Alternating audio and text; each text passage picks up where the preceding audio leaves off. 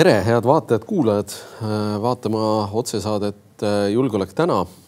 meie tänase saate teemad on tsiviilajateenistus ja selle ümber toimuv debatt ning patiseis või mitte patiseis Ukraina rinnetel. stuudios on nii nagu ikka julgeolekueksperdid Meelis Oidsalu ja Erkki Koort. julgeolek täna alustab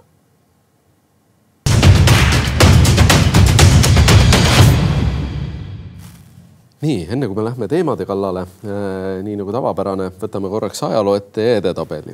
Äh, ma olen ajaloost, äh, novembri lõpus on päris palju asju juhtunud tegelikult. ma võtsin tänase päeva ja üks päev enne, üks päev tagasi, et eilsel, kahekümne kaheksandal siis tuhat viissada kuuskümmend üks loovutasid Liivi, Ordu ja Riia peas, peapiiskop Lõuna- ja Kesk-Eesti Poolale tuhat üheksasada seitseteist äh, kuulutas Eesti Maapäev ennast kõrgemaks võimuks. ja äh, teatavasti algas äh, ka Vabadussõda kahekümne kaheksandal siis Narva lahinguga. Konstantin Pätsile anti kolmekümne viiendal aastal üle allveelaevastiku sihtkapitali poolt kogutud sada kuuskümmend tuhat krooni, mis toona oli väga suur raha ja mille eest peaaegu sai kaks allveelaeva osta. ja seitsmekümne kaheksandal aastal juhtus üks sündmus, millest mina ei olnud varem midagi kuulnud kus peaministrina vabariigi presidendi ülesandeid täitev Tõnis Kint ülendas elus olevaid Vabadussõja veterane. kõik sõdurid ja allohvitserid lipnikeks, ohvitserid üks aste kõrgemale viimasest ülendamisest ja, ja ülendamine puudutas siis kuni kolonelid, ühtegi kindlat. mis riigis see ülendamine toimus? Äh, vot ma ei tea, kus Tõnis Kint sel hetkel asus, et äh, meil oli ju kaks eksiilvalitsust, et, äh, et kus, kus tema sellel ajal oli, ma jään vastuse võlgu.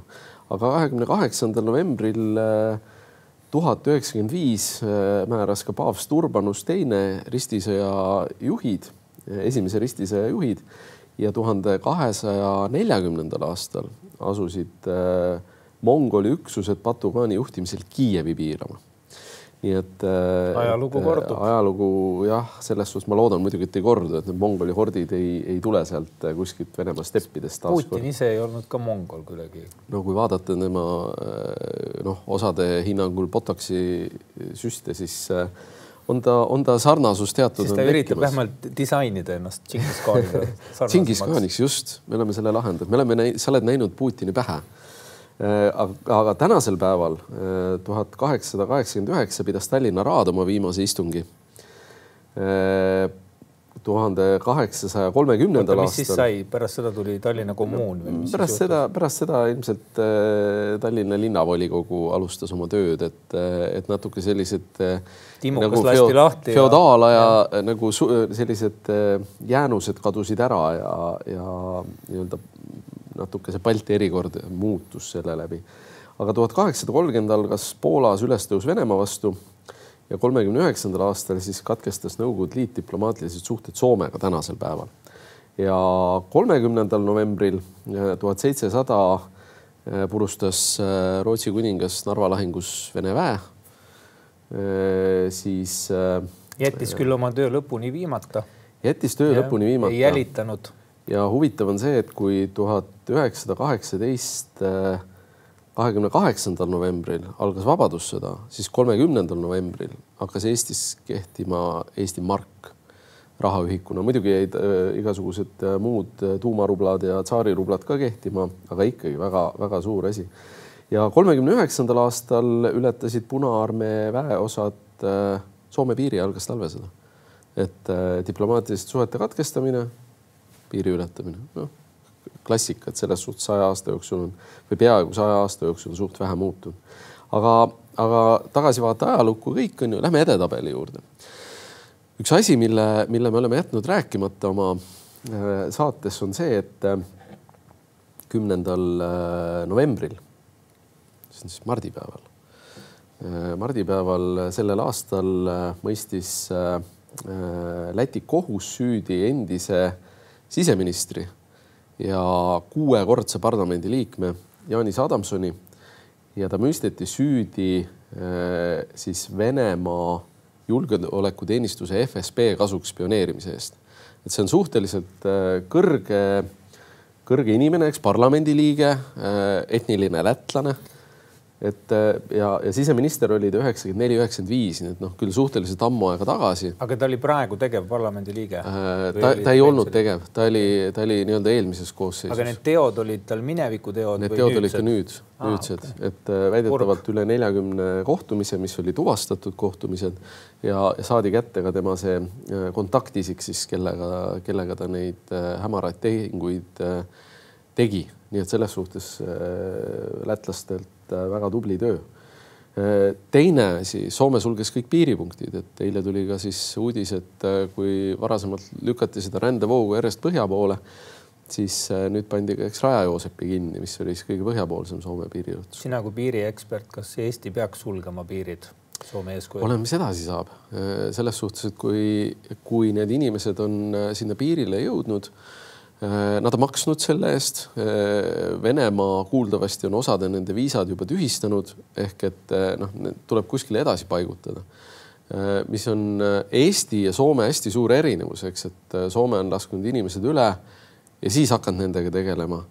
Need kolmkümmend, noh, suurusjärk kolmkümmend, millest on räägitud ja kellest on räägitud siis meedias Äh, Eesti on need äh, peatanud nende, nende Eestisse tuleku, noh, sisuliselt piiril kohe, Narva sillal, neid ei ole lastud piiripunkti, mis on äh, väga õige minu arvates, sest tegemist ei ole klassikalise rändega, tegemist on sellise varirändega, organiseeritud ja, ja samal ajal ka nagu ränderündega siis süsteemide vastu, sest noh, Venemaa teab väga hästi, et Euroopa riigid, eks menetlevad inimesi ja, ja sellega on võimalik tegelikult süsteemid umbe jooksutada. Äh, aga, aga noh, eks koonused on juba Narva silla peal valmis, nagu meediast näha on. draakoni hambad. draakoni hambad või lohehambad. muide, kelle omad need olid, kas need olid Kaitseväe või PPA hambad? ega ma ei tea, ma ei ole ühtegi dokumenti näinud, aga, aga äh, arvestades seda meediapilti, mis sealt on, siis noh, suure tõenäosusega see on esimene jalaväebrigaad, mis asub Tapal suhteliselt lähedal sest äh, ma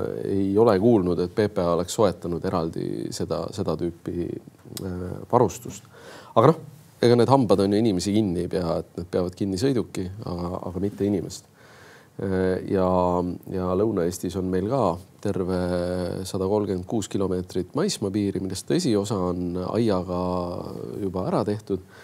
aga meie vahel on küll Peipsi järv, meie ja Venemaa vahel, aga, aga jama on selles, et just, et talvel on see maismaa et tulevad on... järjekordsed jäälahingud seal piirivalvel mine sa tea, aga, aga loodame, et asi vaibub, aga igatahes eh, noh, mida ma näen küll on, et PPA ja, ja siseministeerium on tõsiselt valmistunud, nii et äh, väga hea ja, ja tundub, et koostöö kaitseväega ka toimib, et nende lohehammaste või draakonihammaste paigaldamisel. kas sa tead, kas me saame seda öelda, kas Peipsi järve peal radarvõimekus on olemas, et kui need jalgratturite hordid hakkavad tulema? No, ma arvan, nad tulevad Soome kelguga, mitte jalgrattaga, et äh, aga, aga jah on, on olemas täitsa piirivalve, Politsei- ja Piirivalveamet äh, on äh, radari, omab radarisüsteemi, radaripilti ja, ja tegelikult aastaid on sinna ka siseministeerium investeerinud, et, äh, et seda, hea kuulda, seda, seda teha. Padaorg, kolmteist aastat hiljem uuesti. Marko Pomerants kirjutas sellest muuseas väga huvitava sellise tagasivaate ja, ja nagu tema kokkuvõte oli, et kõik äh, toimus nii nagu aastal kaks tuhat kümme, eks, kui oli see kuussada inimest Padaorus kinni. Äh, ainuke asi, et umbes viieminutise vahega ja siis ta kirjutas lõppu sinna, et noh, mingil tuleviku aastal pool kümme õhtul jälle, et noh, täpselt, täpselt sama aeg, mida tuleb tunnustada selle Padaoru lahendamisel seekord võrreldes eelmise korraga ja, ja ütleme, sama kriisi lahendamine ka Äh, Saaremaa näitel, eks, kus inimesed olid pikalt vooluta, siis seekord äh, mingisugune asjapulk küll kinnitas taaskord, et me saame ise hakkama. keegi ei, enam ei oodanud, et saadakse ise hakkama. mindi appi. kohe mindi appi ja see on väga õige, et selles suhtes äh, noh, on väga selge, et pääste oli õppinud, pääste läks kohe appi lahendama seda, mitte ei oodanud ära ja esimene kuuldavasti oli olnud üldse vallatraktor, mis seal juba neid ukerdavaid autosid päästis, enne kui muu abi kohale äkki oleks viimane aeg Padaarv likvideerida, Padamägi tekitada näiteks. no Padamägi on seal, Padamägi on praegu on lohk, et oleks väike mühk. ja seda muuseas eelmisest korrast alates äh, ka õgvendati või selles suhtes teda täideti, eks, et ta ei ole enam nii sügav äh, org, kui ta oli eelmise kriisi ajal aga noh, ikkagi piisav ja. no on ka sillalahendused, et kõik on. erinevaid asju saab ette võtta. ta võiks seal üle Pada linnamäe kõrguda niimoodi, et ilusa vaatega valgustatud Pada linnamäega. aga lähme edasi, OSCE segadused sellega, et kas Eesti saab eesistujaks või ei saa ja, ja Põhja, Põhja-Makedooniat vist ei oleks pidanud ikkagi organisatsioonidesse vastu võtma, et tundub niimoodi. jah, noh, teine küsimus on see, et kuni Venemaa on selle liige, et mis see Eesti eesistumine seal siis noh, nii väga muutnud oleks, et mis see OSCE üldse selles kriisis äh, palju ta rolli mängib. et eks see on ka natukene noh, võib-olla selline kistud tüli kokkuvõttes noh, eks ta on selles suhtes äh, oma positsioonide paikapanemine lihtsalt äh, seekord läks sedapsi ja ilmselt tuleb ja. ka Balti riikidel noh, lisaks sellele, et noh, õigustatult protesteeritakse, tuleb mõelda, et mis valesti läks no minu jaoks on siin kaks asja, et üks asi on see, et Põhja-Makedoonia välisminister teatas, et ta ei kohtu Lavroviga mitte Põhja-Makedoonia välisministri, vaid OSCE praeguse eesistujana, mis on niisugune äh, noh, ma ei taha nagu halvasti öelda, aga selline. mitte enesele, kõige parem reklaam organisatsioonile järjekordselt. absoluutselt enesele selline natukene äh, noh, jah, ühesõnaga ja, ja teine asi on see, et, et sinna jätsid minemata kuuldavasti ainult Eesti, Läti, Leedu ja Ukraina välisministrid. nii et, et noh, välisminister Tsahkna küll ütles, et Euroopa on ühtne noh, ma ei tea, ei, ei paista seda sealt selliselt välja, võib-olla kõik seal kohapeal on ühtsed, võib-olla nad läksidki sellepärast, et Lavrovile kambakat teha, kust mina tean seda, aga, aga see välja ei paista ja, ja see nii-öelda Venemaa laiemine seal paistab halb ja, ja selles suhtes on Tsahknal ja ja, ja kes veel on sellel teemal sõna võtnud, ka Mihkelson õigus, et, et noh, mitu korda me nagu samasse ämbrisse astume, et jälle ja jälle ja jälle kutsume tagasi.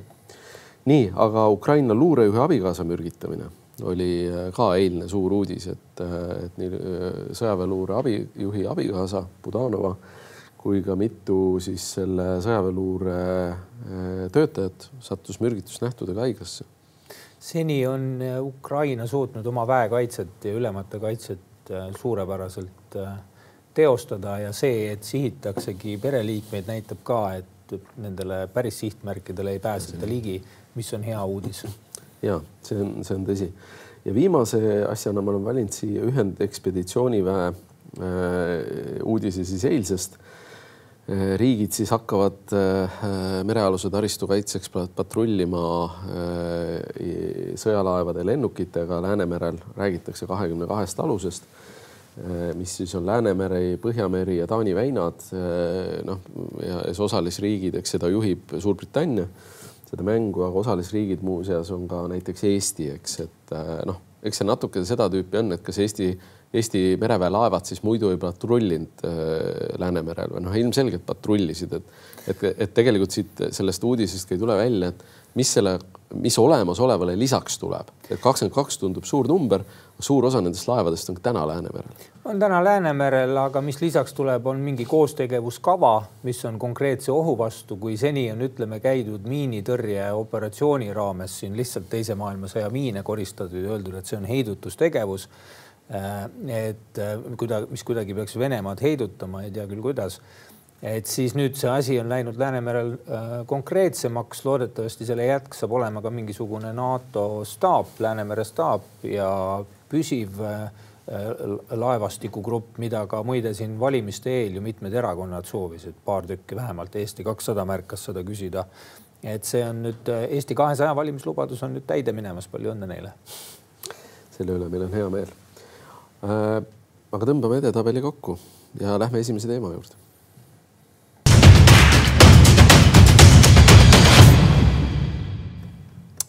nii, esimese teemana tsiviilajateenistus, üks minu lemmikteemasid lemmik. juba aastaid, sest äh, mina usun sellesse, et äh, kui ma vaatan äh, ka seda praegust avalikku debatti, siis mulle näib, et, et Eestis on umbes kolmteist või, või sada kolmkümmend miljonit inimest, mitte üks koma kolm, sest noh, ütleme, et kui me nendest kriisidest, mis meil just olid, Ukraina pagulaste kriis ja Covidi kriis, kui me nendest midagi nagu õppinud oleme, siis äh, võib-olla seda, et äh, nii Sotsiaalkindlustusamet kui, kui Terviseamet kulutasid ennast äh, tühjaks, on ju. PPA, Päästeamet, kes läksid appi, kulutasid ennast päris korralikult ja kui oleks tulnud nii pääste kui PPA spetsiifilised kriisid, sest need ei olnud, kumbki nendest ei olnud tegelikult ei PPA ega päästekriis, asutused toetasid enne teisi siis, siis oleks me nagu probleemis olnud ja, ja mul on hästi kummaline nagu kuulata seda, et äh,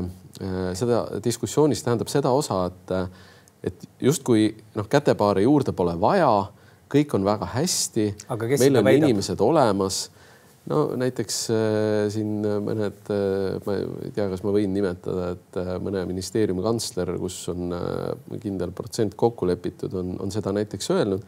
mina, ma saan aru, sealt kumab läbi see hirm killustada sõjalisele kaitsele minevat raha äh,. Aga noh, diskussiooni mõte ei olegi see, et, et kaitseministeerium peab ära tegema kõik asjad on ju noh, üle välja. aga, aga minu arust on see nagu muutunud hästi kitsalt selliseks äh, noh, kergeks ususõjaks. et äh, eh, noh, ma olen rääkinud ka siin mitmete asutustega ja eilegi olin ühel üritusel, äh, kus äh, mitu, mitu ametkonda ütles, et jaa, meil on huvi, meil on tegelikult vajadus, sellepärast et kui kaitsevägi, eks täidab oma, oma lüngad sellel noh, äreval hetkel, eks mobilisatsiooniga, meil ongi rahvavägi, eks see ei ole igapäevaselt töös, siis, siis täna me noh, kui tuua jälle sõjaväest paralleel, siis me püüame lahendada, et sõdivad ainult need ohvitserid, kes on täna teenistuses ja vabatahtlikud ehk Kaitseliit. Äh, noh, me teame, et sellest ei ole, sellest kaugeltki ei piisa, meil on vaja äh, väga suurt mobilisatsiooniväge sellel hetkel. ja ka laiapindse riigikaitse mittesõjalise osa nii-öelda nende ülesannete täitjad kuluvad, lähevad katki, sõjaolukorras saavad surma ehk et meil, meil on vaja nagu seda, kus see populaarne säilenõtkust on ju, või seda resilience'it on ju, et, et, et hakkama saada. Ja, ja noh, seal ongi see diskussiooni koht, et mida me, mida me selleks vajame või kuidas me selle lahendame. kas sa võtaksid nii mulle kui kuulajale, vaatajale selgitada ka, et mida selle all üldse silmas peetakse, et meil on noh, niisugune usu, usudebatt, aga, aga ka usule omaselt nagu hägune on see kontseptsioon, et kirjelda lihtsalt, et kuidas mm -hmm. seda on mõeldud või mm -hmm. väidetud, et see võiks olla. ma toon näite. noh, meil on täna, eks see, et, et inimene, kes on kaitseväeteenistuseks kõlblik Äh, aga ei taha kõlbelistel või, või usulistel põhjustel relva kätte võtta, aga ta noh, füüsiliselt ja vaimselt vastab sellele nõuetele, siis tal on kohustus läbida aja, asendusteenistus, mitte võimalus, vaid kohustus, seda ütleb põhiseadus ma korrigeerin, et kui sa ei ole kõlblik, siis sind asendusteenistusega ei võta. asendusteenistusega inimesed, kes on kõlblikud, kes ei taha. kes on kõlblikud ajateenistusse minemas, vaimsed ja füüsilised okay. nõuded on täidetud Äh, aga ta ei taha relva kanda, siis temal on kohustus läbida asendusteenistus. Äh, teistel kellelgi seda kohustust ei ole. Neid inimesi on aastas kuskil noh, sadakond täna, kes tahaks vähem, seda teha, eks ole. seitsekümmend vist võetakse, tahtjaid on natuke rohkem, et seal ja. kuskil niimoodi saja kandis on. noh, ütleme, et olenevalt aastast, see on number on viiskümmend kuni seitsekümmend mm. -hmm. ja, ja noh, mida inimesed teevad, nad läbivad selle kas Päästeametis või meditsiiniasutuses, eks, kus sanitaarina, on sanitaarina no,. toetavad tööd no, ka väga eks, vajalikud ja auväärsed. absoluutselt vajalikud, ilma nendeta ühiskond ei saa hakkama. Äh, küsimus on nagu selles, et äh, kas meie nagu kogu fantaasia inimeste kaasamisel ongi ainult piirdubki sanitaaridega või? et äh, me oleme e-riik. nagu mul üks kolleeg ütles, et kui inimesel on pöidlad terved, siis ta drooni saab juba juhtida, et tegelikult neid võimalusi, kus kasutada, noh Äh, aga mis see siis tähendaks, kas see tähendaks siis, et riik kohustaks lihtsalt astuma inimese töösuhtesse mingi organisatsiooniga, inimene käib seal tööl või on mingeid muid asju ka? näiteks, no ma, ma toon selle näiteks. Nagu, et, et see on nagu töö, sõjaaegse täna, tänase sõjaaegse töökohustuse, mis on juba olemas tegelikult et selle siis rakendamine rahuajal. ütleme niimoodi, et kui, kui sa lähed, kui sa lähed ajateenistusse siis noh, igal juhul on väljaõppeline aspekt, et kui sa lähed ajateenistusse, siis sind tegelikult tulenevalt nüüd väeliigist on ju koolitatakse mingi aja jooksul sõduriks ja kui on kriis, kutsutakse sind lisaõppekogunemisele, reservõppe, noh, mis iganes see noh, mobiliseeritakse. et nüüd võetakse inimene nagu asendusteenistusse võetakse, aga lihtsalt suunatakse Päästeametisse. ta läbib seal mingisuguse väljaõppe, teenib mingi aja. Päästeamet? ja siis läheb reservi ja, ja, ja noh, mingid muud, ma ei tea, Terviseamet, ükskõik, eks ole. terviseamet, Sotsiaalkindlustusamet äh, Äh, toon, Eesti Post, postiljonidest on Eesti puudu. Post on ju äh, näiteks, et, et tegelikult äh, ma toon selle näite, et Eestis, eks me rääkisime, on seitsekümmend, viiskümmend, seitsekümmend inimest on asendusteenistuses. Iisraelis, kellega me või millega me ennast tihti võrdleme, on asendusteenistuses aastas umbes kaheksateist tuhat inimest.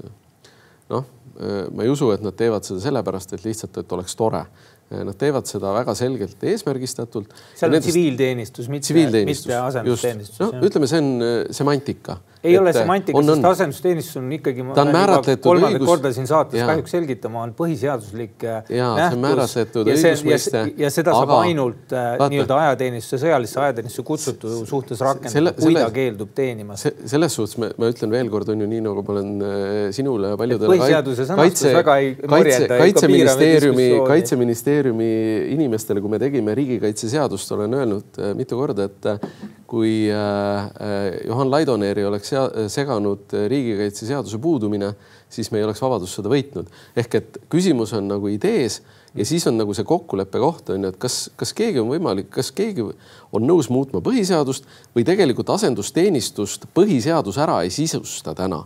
ta, ta ütleb, eks, et Eh, põhiseadus ütleb täna, et eh, need, kes on usulised või kõlbelised põhjused, nendel on kohustus. oot, oot, oot, ma lõpetan ära. tuhandet inimest. saab küll, saab küll, saab küll, ma toon, ma toon, ma toon, ma toon selle näite, onju. Eh, nendel, kelle põhiseadus ütleb, et asendusteenistuses on kohustus läbida nendel inimestel kõlbelistel ja, ja muudel põhjustel, aga ta ei keela teistel seda teha täna on tõlgendatud seda, et ta justkui keelab või piirab teistel. see on uudne lähenemine ja sellest saab. aga loe põhiseadust. tulebki väga palju uudseid lähenemisi ka kasutusse võtta, mis mulle selle kogu selle noh, tsiviilajateenistuse lisaks sellele, et see on kuidagi kirjeldamata, mida mm. üldse taotletakse selles debatis, et mis mu küsimus veel on. ei ole, ei ole. luba ma lõpetan, luba ma lõpetan. meie riik teeb täna tegelikult üsna palju nagu pingutusi siin RES-is pandi ka kümme kuni kaksteist miljonit äh, kriisireservi moodustamiseks ja nii edasi. ehk siis sellise reservtööjõu äh, ja ka reservistide lepingute sõlmimine, eks ole, kriisireservi tarbeks, sinna pannakse suhteliselt palju vahendeid, meil on erinevad noh, muud vabatahtlikud, eks ole, organisatsioonid, kes kaasavad inimesi vabatahtlikkuse alusel, kaasa arvatud Päästeliit mm. ja nii edasi, kes teevad väga head tööd et no mis siin puudu on, ma uurisin ka siin enne saadet natuke riigi käest. ma ei ütlegi, see riik oli aga ta oli informeeritud ja riik, tema ja see riik ütles mulle, et riik täna tegelikult ei ole seda läbi analüüsinud, kuna see noh, see debatt annab ka märku, meie tänane debatt annab märku, et noh, keegi võiks selle läbi mõelda vähemasti, eks ole, noh, mingisuguse variandina.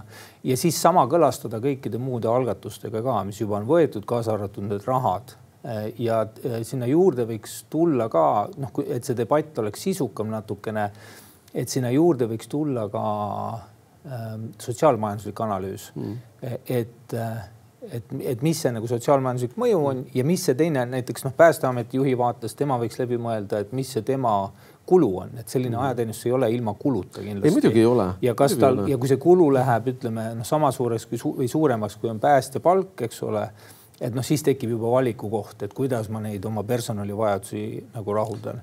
et see, kas kriisi ajaks on reserv, noh, neid küsimusi saab ka muud moodi lahendada. riik praegu üritab seda teha, paneb sinna kümme kuni kaksteist miljonit. aga mis see meie debatt siin ka näitab, kaasa arvatud siin põhiseadusliku äh, korra siin vaidlustamine ei ole vaidlustamine, lihtsalt põhiseadust on loetud kogu aeg ühtemoodi, aga seal ei ole seda kirjas, mida seal väidetakse. õiguskantsler on, ma võin öelda minu, minu no, poole peal selles küsimuses, aga, aga mis ma tahan öelda, on see, et me peaks vaatama neid asju nagu kõik koos, et tsiviilajateenistus on üks värbamismeede, ta on niisugune noh, sunni või sellise töökohustuse, sõjaaegse töökohustuse laiendamine rahuaega, seda on praktiseeritud mõnelgi pool on tulemused, tulemused olnud mõistlikud, noh Rootsis, eks ole ka. Rootsi nüüd alles alustas jah. taastavad, nad, neil on neil varasem kogemus olemas, et tasuks seda uurida. et kindlasti võib-olla kui noh, tellimus esitada näiteks Riigikantseleile, et analüüsige või tellige analüüs järgmisel aastal. Äh, kontseptsiooni analüüs. Erkki Koorti poolt näiteks. kontseptsiooni analüüs on selle aasta jaanuarist, selle aasta okay. jaanuarist on Sisekaitseakadeemia analüüs selle kohta. tõsi, ta ei. kas te seal vaatasite neid kuluasju ka? ei, ta ei, ta ei keskendu kuludele ja ta ei keskendu õigusruumile. ta räägib ideest ja ta räägib teiste riikide praktikast. see on ka väga hea ülevaade teiste, teiste riikide nii-öelda sellest äh, noh, edulugudest ja, ja mõnedest karidest, eks. no reaalsuses jah, ikkagi kulud ja õigusruum ka seavad oma piirangud, et siis järgmise sammuna saabki need võib-olla juurde võtta sinna ja seal võiks võib-olla Riigikantselei või keegi siis riigi poolt nii-öelda toetada või Läänemets või. no see on puhas poliitika nii-öelda elluviimise küsimus juba, aga, aga ma ütlen ikkagi seda, et noh, tulles tagasi veel seda, et milleks neid vaja on, jah, on olemas vabatahtlikud päästjad, on olemas Päästeliit, on olemas abipolitseinikud aga on olemas ka Kaitseliit, eks, ometigi meil on reservarmee. Eh, kui vaadata, noh, miks Rootsi on seda teinud või ka teised riigid, sõja korral meil on vaja väga palju inimesi korraga ja parem, kui nad on välja õpetatud. ma võiks jätkata seda arutelu siin ka pikalt, aga ma väga ei viitsi, sellepärast et tead, miks, mitte et ma, et ma ei peaks sinuga vestlemist kuidagi kvaliteetseks ajaviitmise viisiks, vaid kui me vaatame, kui vähe praegu elanikkonnakaitsesse raha tahetakse mm -hmm. anda kui me vaatame seda, et noh, tegelikult praegu on ka küsimus selle üle, et kas me noh, oma laskemoonavarud mm. täis ostame NATO äh, soovitatud miinimum äh, määras äh,, siis no ütleme, valitsuse nagu huvi igasuguse sellise asja nagu rahastamise vastu on piits peenike ja selles mõttes ma toetan sinu seda teematõstatust ja pean seda võib-olla vajalikuks isegi, et kui see aitaks angažeerida siin erakondi, vaata Reformierakond ja keegi veel on öelnud juba, et nad, et nad võib-olla toetaks seda, et siis võib-olla annab see arutelu ka võimaluse siduda natuke poliitilist huvi selle elanikkonnakaitse ja laiema riigikaitse rahastusvajadusega, et, et selles mõttes andke tuld, aga need raha ja õigusküsimused, noh, tuleb kindlasti juurde tuua siia. ja ei kindlasti, ütleme nii, Reformierakond oma valimislubadustes, eks rääkis natuke, mitte küll päris samast instrumendist, aga, aga puudutas seda teemat. Nad ei teadnud tegelikult, mis nad mõtlevad, aga, aga vähemalt oli mingisugune impulss, ma arvan, nende noh, nagu ikka, eks ole, inimeste puhul ka, et sul nagu alateadvuses mm -hmm. mingid protsessid käivad et see oli ka võib-olla selline, ütleme, embrüonaalne selline freudistlik faas, faas seal valimisprogrammi koostades, et nüüd on jõutud natukene ratsionaliseerimiseni. ja noh, sotsiaal, sotsiaaldemokraadid ju kirjutasid asendusteenistuse oma programmi ka ühe programmipunktina sisse, et äh, ja Eesti kakssada vist küll mitte. no Läänemets hakkab ju koolitama siin, vähemalt kõik ametnikud koolitatakse ära järgmise nelja aasta jooksul, aga tahetakse tegelikult ju äh, kogu riik ära koolitada elanikkonnakaitse osas, nii et sellist nii-öelda riigi väljaõpet, riigi raha eest tehtavat väljaõpet elanikele mingisuguste teadmiste edendamiseks, et sõja korral hakkama saada, et seda me näeme niikuinii mm. -hmm selge, tõmbame selle, selle teema kokku, et, et debatt kindlasti on vajalik ja, ja see, et meil seda täna ei ole, ei ole argumente, loomulikult äh, õigusruum ja, ja selle finantseerimine on oluline, aga minu arvates on oluline ka idee äh, või püüda leida mingisuguseid uusi lahendusi, mis võib-olla tänases äh, noh, polegi käibel. aga vahetame teemat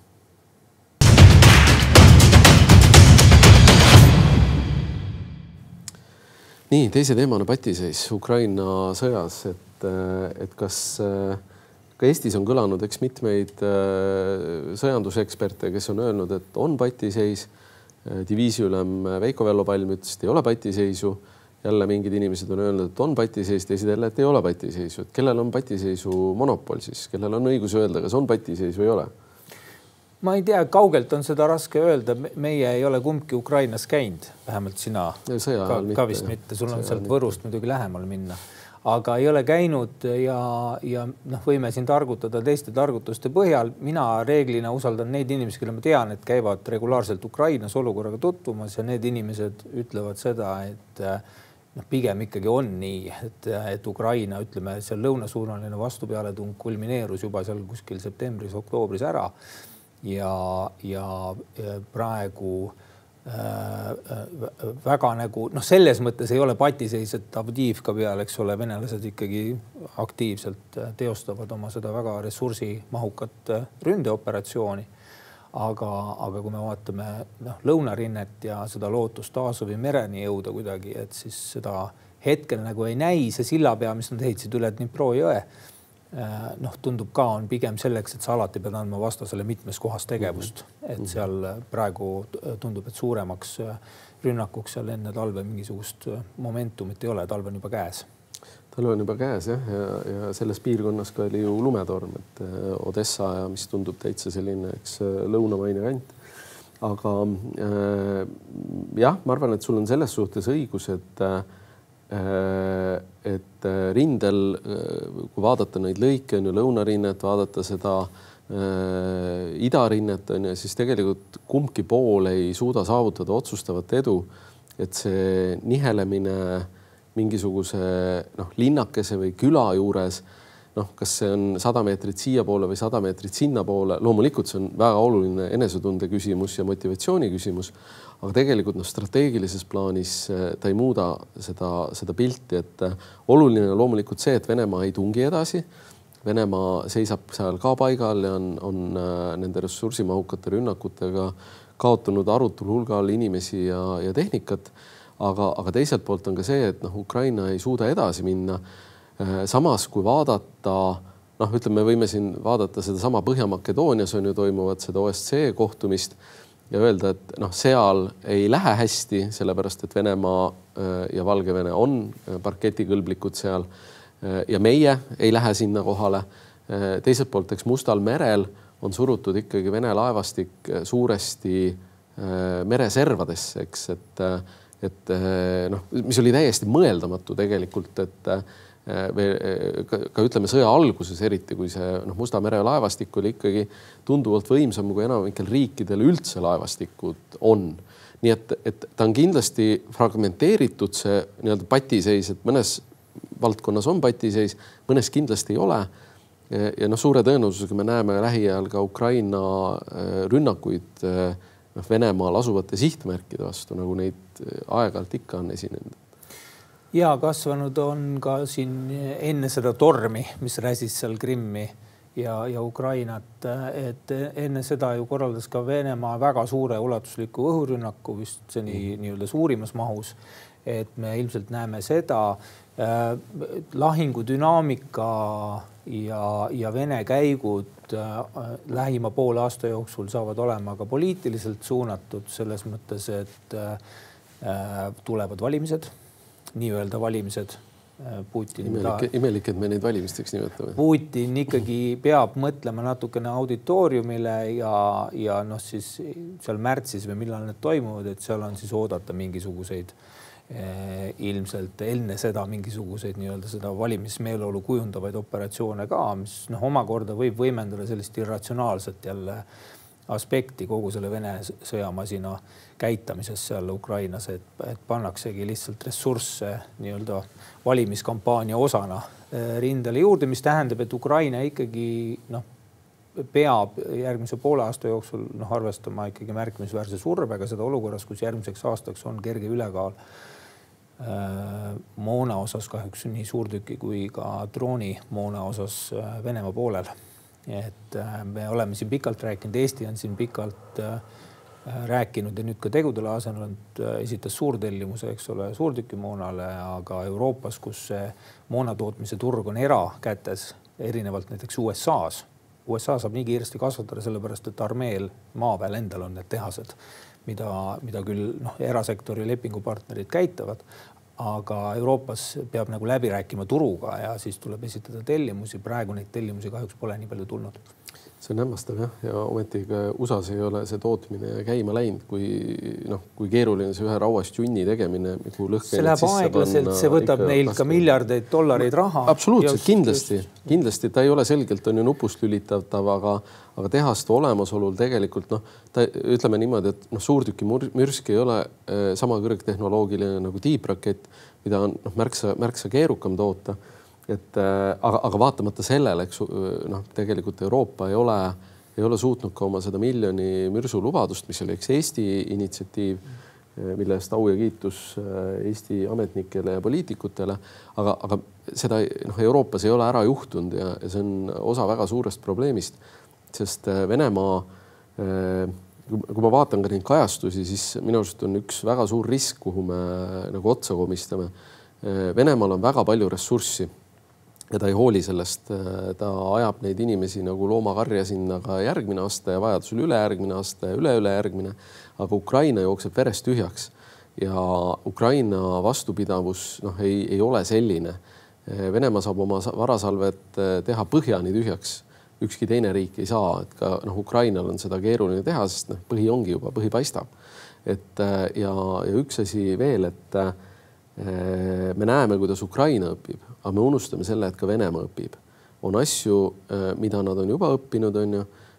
lahingus on kasvanud peale uus põlvkond noori ohvitsere, kes sõdivad teistmoodi ja kellel ei ole, ei ole sõjakogemus ainult Äh, aastate või kümnete aastate tagusest Tsetseeniast äh, ja, ja, ja Süüriast on ju, mis olid täiesti teistsugused konfliktid.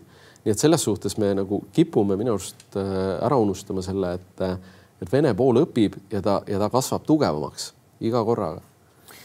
nüüd me oleme siin enne rääkinud ka sellest hirmust, et noh, et mis nüüd saab, et Euroopa ei ole oma äh, Äh, moona tootmisvõimust, võimsust nagu piisavalt tõstnud või lääs tervikuna. järgmine aasta tekib justkui selline auk, eks ole, Ukraina äh, võimekuses või moonavarudes ka. Et mida see pikemaks ajaks nagu tähendab, ma ühest küljest noh, praegune olukord tundub kõhe ja, ja ka Eesti julgeolekueliiti on jõudnud see kõhedus natukene sisse, tehakse siin ka erinevaid pressibriife ja nii edasi. räägitakse sellest, et võib-olla, eks ole kevadel ikkagi noh, hakatakse mingit rahujuttu äh, peale suruma Ukrainale, sest öeldakse lihtsalt, et moona ei ole. teisest küljest jälle vaadata, kui, kui kasulik väga kolmekordsetes jutumärkides on läänele see olukord, kus läänele maksab see sõda ainult raha, mitte inimesi ja muid asju, nagu siin keegi ka mingi Briti kindral hiljuti kuskil mm -hmm. konverentsil ütles et siis mulle tundub, et see nagu loogika, kui seda rohkem nii-öelda müüa ka Eesti poolt, et vaadake, see olukord praegu on noh, mõnes mõttes ideaalne sõjapidamise viis, eks ole, Venemaaga. Viiekordsetes jutumärkides sõna ideaalne, et see, et see kasu praegusel investeeringul on noh, märksa suurem, kui, kui me praegu oleme võib-olla teadvustanud üldse. et see investeerimisloogika ilmselt peaks jõudma kuidagi ka lääne liitlasteni mm. -hmm. ja see annab lootust. ja ma arvan, et äh, sul on õigus, aga tõmbame tänase saate kokku, et äh, vastast ei maksa kunagi alahinnata, kindlasti ka ülehinnata mitte. aga ma arvan ka, et kui mitte äh, kevadel, siis hiljemalt järgmine sügis äh, kindlasti need rahujutud äh, pihta hakkavad suuremal, suuremal määral. aga jälgime olukorda ja suur tänu vaatamast-kuulamast